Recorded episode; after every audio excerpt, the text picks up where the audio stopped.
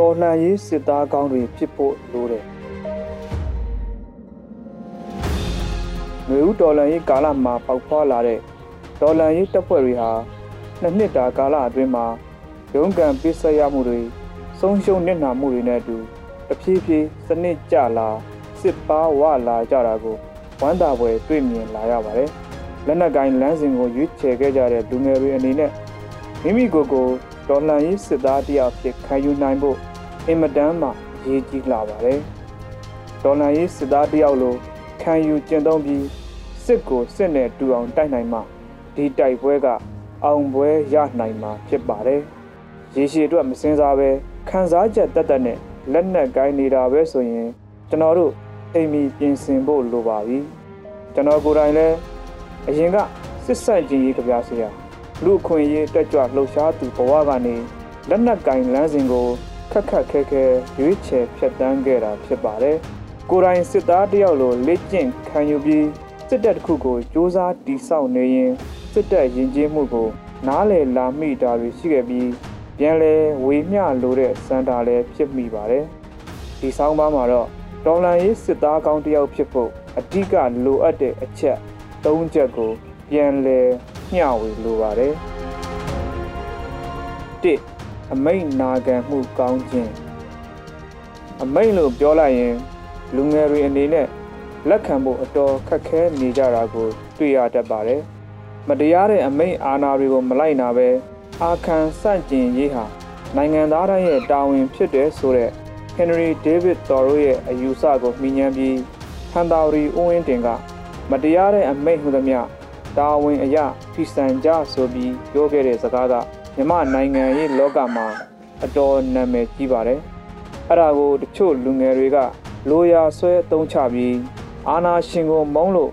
တော်လှန်ရေးလာလုပ်ပါတယ်ဆိုမှမိတ်တွေအာနာတွေနဲ့လာချုပ်ကင်နေတယ်ဆိုတာမျိုးပြန်ပြောတတ်ကြပါတယ်။အခုခေတ်မှာလွတ်လပ်တဲ့လူငယ်တိုင်းဟာမိဘစကားတောင်နားထောင်ခြင်းမှနားထောင်ကြတာဆိုတော့ကျွန်တော်အပါဝင်ဘယ်သူကမှတော့တစုံတယောက်ကကိုယ့်ကိုအမိတ်ပေးစေခိုင်းနေတာမျိုး မနစ်သက်ကြပါဘူးဒါပေမဲ့လက်နက်ကင်တော်လန်ရွေးကိုရွေးချယ်ခဲ့ပြီဆိုရင်တော့အမိတ်နာခံတဲ့ရဲဘော်တွေဖြစ်ဖို့ကအရေးအကြီးဆုံးဖြစ်လာပါတယ်အမိတ်မနာခံပဲမသွားနဲ့ပြောထားတဲ့နေရာကိုသွားလိုက်လို့မိုင်းနေမိပြီးခြေထောက်တွေဆုံးရှုံးသွားတဲ့ရဲဘော်တွေရှိလာတယ်အင်အားမမျှလို့ပြန်ဆုတ်ဖို့အမိန်ပေးတာကိုခေါင်းဆောင်လုပ်ပြီးကြောက်နေတာလားလို့ဆိုကာစက်ပြစ်နေလို့ ရန်သူလက်ထဲအရှင်ဖမ်းမိသွားတဲ့ရဲဘော်တွေရှိလာတယ်။ဒီလိုစစ်မြေပြင်မှာဖြစ်လာတဲ့အမိတ်မနာခံမှုတွေဟာတင်တန်းကာလမှာစနစ်တကျမလေးကျင့်ခဲ့ခြင်းနဲ့နောက်တန်းစခန်းတွေမှာအလေးအနက်ထားမနေထိုင်ခြင်းမအုပ်ချုပ်ခြင်းကြောင့်ဖြစ်တာများပါတယ်။တော်လန်ရေးရဲဘော်တွေဖြစ်လာပြီဆိုရင်တော့ဒါငါအမေအိမ်ရောက်နေတာမဟုတ်ဘူး။တော်လန်ရေးတက်ခုမှာစစ်မှုထမ်းနေတာဖြစ်တယ်ဆိုတာကိုကောင်းတဲ့ထည့်ထားပြီး စင်ကဲအုပ်ချုပ်မှုစနစ်ကိုနားလေကအမိတ်နာခံတတ်တဲ့အလေးအကျင့်တွေရှိလာဖို့ကြိုးစားတည်ဆောက်ကြရမှာဖြစ်ပါတယ်။နှစ်နိုင်ငံရေးရည်မှန်းချက်ကို နားလေသဘောပေါက်ခြင်းမိမိတက်ရဲ့နိုင်ငံရေးရည်မှန်းချက်များကို ကောင်းစွာ နားလေသဘောမပေါက်တဲ့ရဲဘော်တွေဟာ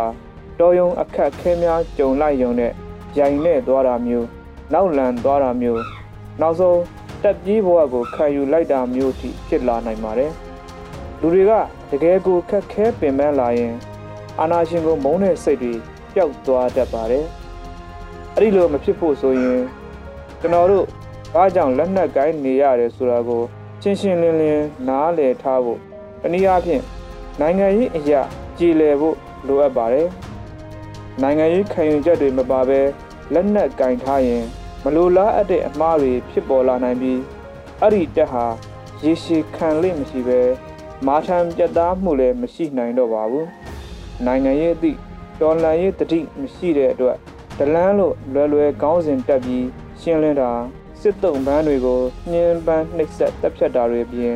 အခြားသောအရက်ဖက်စစ်ဖက်ကျင့်ဝတ်တွေကိုချိုးဖောက်ကျူးလွန်မှုတွေရှိလာနိုင်ပါတယ်၃ ပုဂ္ဂလခံစားချက်များကိုချော့ချနိုင်ခြင်းတကိုးရေးစားရှည်တန်းတမှုတွေရှိနေရင်တောထဲမှာရှိနေပေမဲ့တော်လှန်ရေးလုပ်နေတယ်လို့ခေါင်းစဉ်တက်လို့မရနိုင်ပါဘူးအများပြည်သူရဲ့လုံခြုံရေးနဲ့လွတ်လပ်ခွင့်အတွက်တိုက်ပွဲဝင်ကြရတဲ့အခါတဦးချင်းလွတ်လပ်ခွင့်နဲ့လိုဘတွေကိုချိုးနှိမ်နိုင်ဖို့လိုအပ်ပါတယ်အဲဒါကြောင့်ကျွန်တော်တို့ကိုရခိုင်တပ်တော်ကပေးတဲ့အခြေခံစစ်တင်တမ်းမှာရန်သူကိုမတော်လှန်ခင် ကိုကိုကိုအရင်ဆုံးတော်လှန်ရမယ်လို့အမြဲမပြတ်တင် जा ပေးခဲ့တာဖြစ်ပါတယ်အဝေးမှာကြံခဲ့တဲ့မိသားစုနဲ့ချစ်ခင်ရတဲ့သူတွေကိုလွမ်းတာစိတ်မချဖြစ်တာတို့ကိုနားလည်ပြလို့ရနိုင်ပေမဲ့အဲ့ဒီခံစားချက်ကြောင့်ဒေါ်လန်ရေးတာဝန်တွေလိဟင်းလာတာမျိုးတော့မဖြစ်သင့်ပါဘူးအဖက်ဖက်ကပြတ်သားနိုင်မှသာကျွန်တော်တို့ဒီတပွဲမှာနိုင်ရပါလိမ့်မယ်နောက်ပြီးစစ်တပ်တစ်ခုဖြစ်တဲ့အတွက်တဦးတယောက်တည်းအတွက် တီးတန့်ခွဲထုတ်စဉ်းစားပေးရတာမျိုးလုပ်လို့မရပါဘူးသို့တော့တာဝန်အကြီးအသေးပေါ်မူတည်ပြီးတက်ကပြန်ပြီးတဲ့အခွင့်အရေးကတော့ကွဲပြားသွားတာတွေကြည့်နိုင်ပါတယ်အဲ့ဒါကိုတက်တွင်းမှာဒန်းတူညီမျှမှုမရှိဘူးလို့လိုရာဆွဲတွေးနေမိရင်စစ်သားတယောက်မဖြစ်သေးဘူးလို့ပဲမှတ်ချက်ချရမှာဖြစ်ပါတယ်တက်ထဲမှာဒန်းတူညီမျှဖို့တော့ကတကယ်တော်တဲ့ တကယ်ဥဆောင်နိုင်စွမ်းရှိတဲ့ရဲဘော်တွေကိုဖယ်ချန်မထားပဲတာဝန်ပေးနိုင်ဖို့သာအဓိကဖြစ်ပါတယ်သူကတော့တော်ပါတယ်ဒါပေမဲ့လူချင်းနဲ့မရင်းနှီးဘူးငါစင်မျိုးငါတငယ်ချင်းငါလူရင်းတွေပဲနေရာပေးနေတာဆိုရင်တော့တပ်ဖွဲ့အတွင်းတာဝန်ခွဲဝေမှုတွေကိုပြန်သုံးသပ်ရမှာဖြစ်ပါတယ်။စ조사တဲ့ရဲဘော်တိုင်းအရာရှိဖြစ်နိုင်မဲ့အခွင့်အလမ်းကိုတရားမျှတစွာဖန်တီးပေးထားဖို့ပဲလိုအပ်ပါတယ်။ အရာရှိပဲဖြစ်ဖြစ်ရဲဘော်ပဲဖြစ်ဖြစ်ပုဂ္ဂလခံစားချက်တွေကိုရှေ့တန်းမတင်မိကြပဲ